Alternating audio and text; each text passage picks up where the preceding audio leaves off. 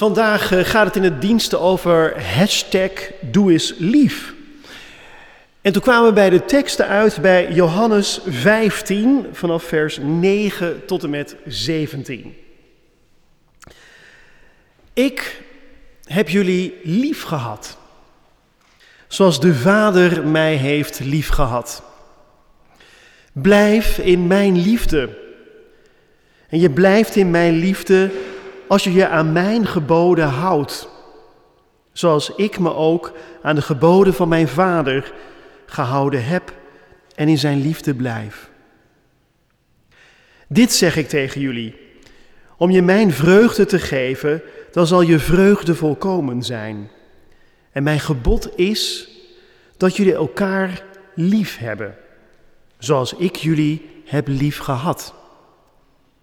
En er is geen grotere liefde dan in je leven te geven voor je vrienden.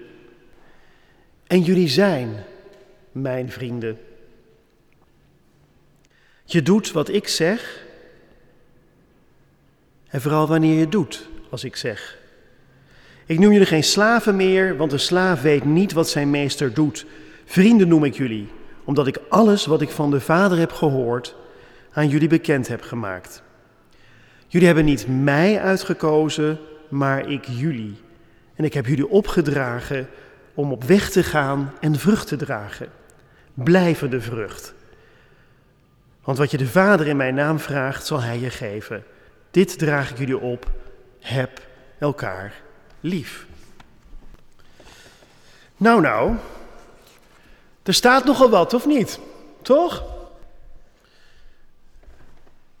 Hashtag doe eens lief.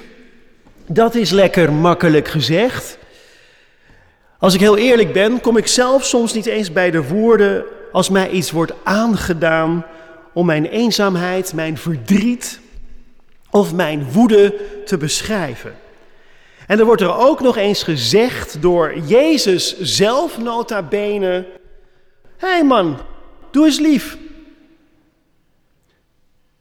Betekent het dan als hij dat zegt, dat ik mijn boosheid niet meer mag tonen, dat ik niet meer mag klagen en dat het betekent dat ik enkel en alles in het leven moet dragen en in harmonie moet leven met die ander?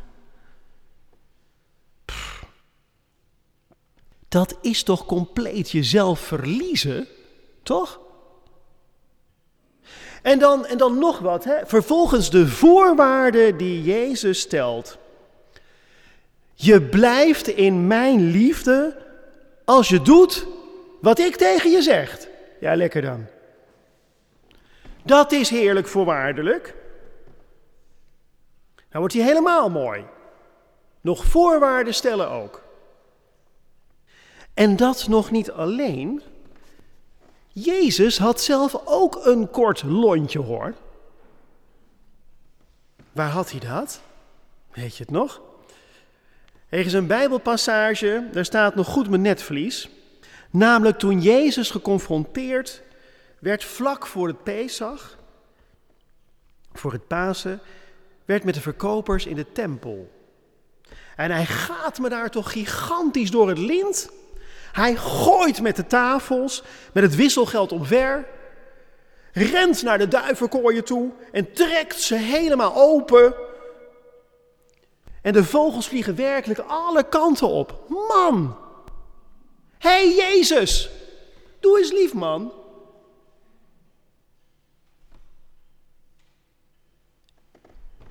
Ik denk dat iedereen wel begrijpt dat als je boos bent, dat je dan toch niet gelijk liefdeloos bent? Of wel, wat is dat toch?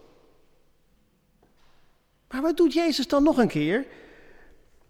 Of dat nog niet eigenlijk genoeg is, maakt hij nog van een zweep van touw en jaagt hij alle schapen en runderen ook hoppakee die kerk uit.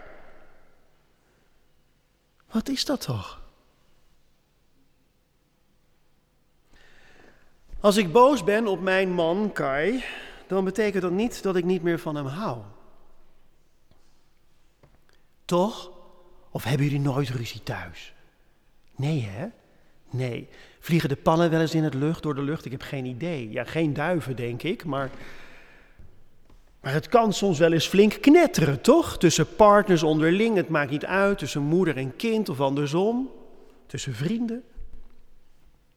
Maar als ik boos ben, betekent dat niet dat ik niet meer van diegene hou. Juist niet. Vaak komt onze boosheid voort uit onze liefde voor een ander. Dat klinkt best gek, hè? Het zegt ook iets van het in relatie willen blijven en zijn met die ander. Zoals bij de handelaren in de tempel, waar Jezus echt als een idioot tekeer gaat. En de reden dat Jezus boos was, kwam omdat er in de tempel een levendige handel werd gedreven van offerdieren. En dat er woekerprijzen voor werden gevraagd. En je zou gewoonweg vergeten dat het om God ging in de tempel.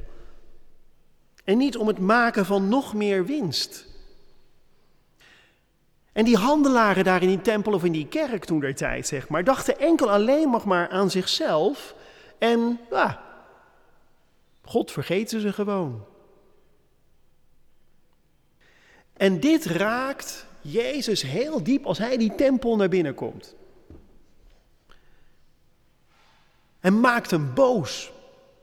Hoe gek het ook klinkt, die boosheid van Jezus in de tempel houdt ook liefde in. Een God die een relatie wil staan met zijn schepping, zijn kinderen. Dus boosheid, daar is op zich helemaal niks mis mee. Maar opgepotte woede maakt dingen vaak alleen nog maar erger voor jezelf en ook voor de ander. En boosheid heeft een functie, maar wel zolang je ook je hoofd er een beetje bij kunt houden. Is dat niet precies wat Jezus eigenlijk hier wil zeggen? Blijf in mijn liefde. Blijf verbonden met de bron van de God van liefde. Het is als een intieme en liefdevolle in elkaarheid, noem ik het eigenlijk. Tussen God en ons. Het is een persoonlijke relatie van liefde en trouw aan God. Die ons meer heeft liefgehad dan wij ooit zouden kunnen voorstellen. En de proef op de som van die liefde en trouw is niets meer of minder dan het eenvoudige, diepe, gevaarlijke en, en ook verschrikkelijk moeilijk gebod. Doe eens lief. Ja. En als je een keertje de vlam in de pan hebt, wat ik natuurlijk ook wel eens meemaak, dan denk ik wel eens bij mezelf, gebruik je kop dan eens even. Of eigenlijk, nou, misschien God, doe eens lief. Doe dat. Amen.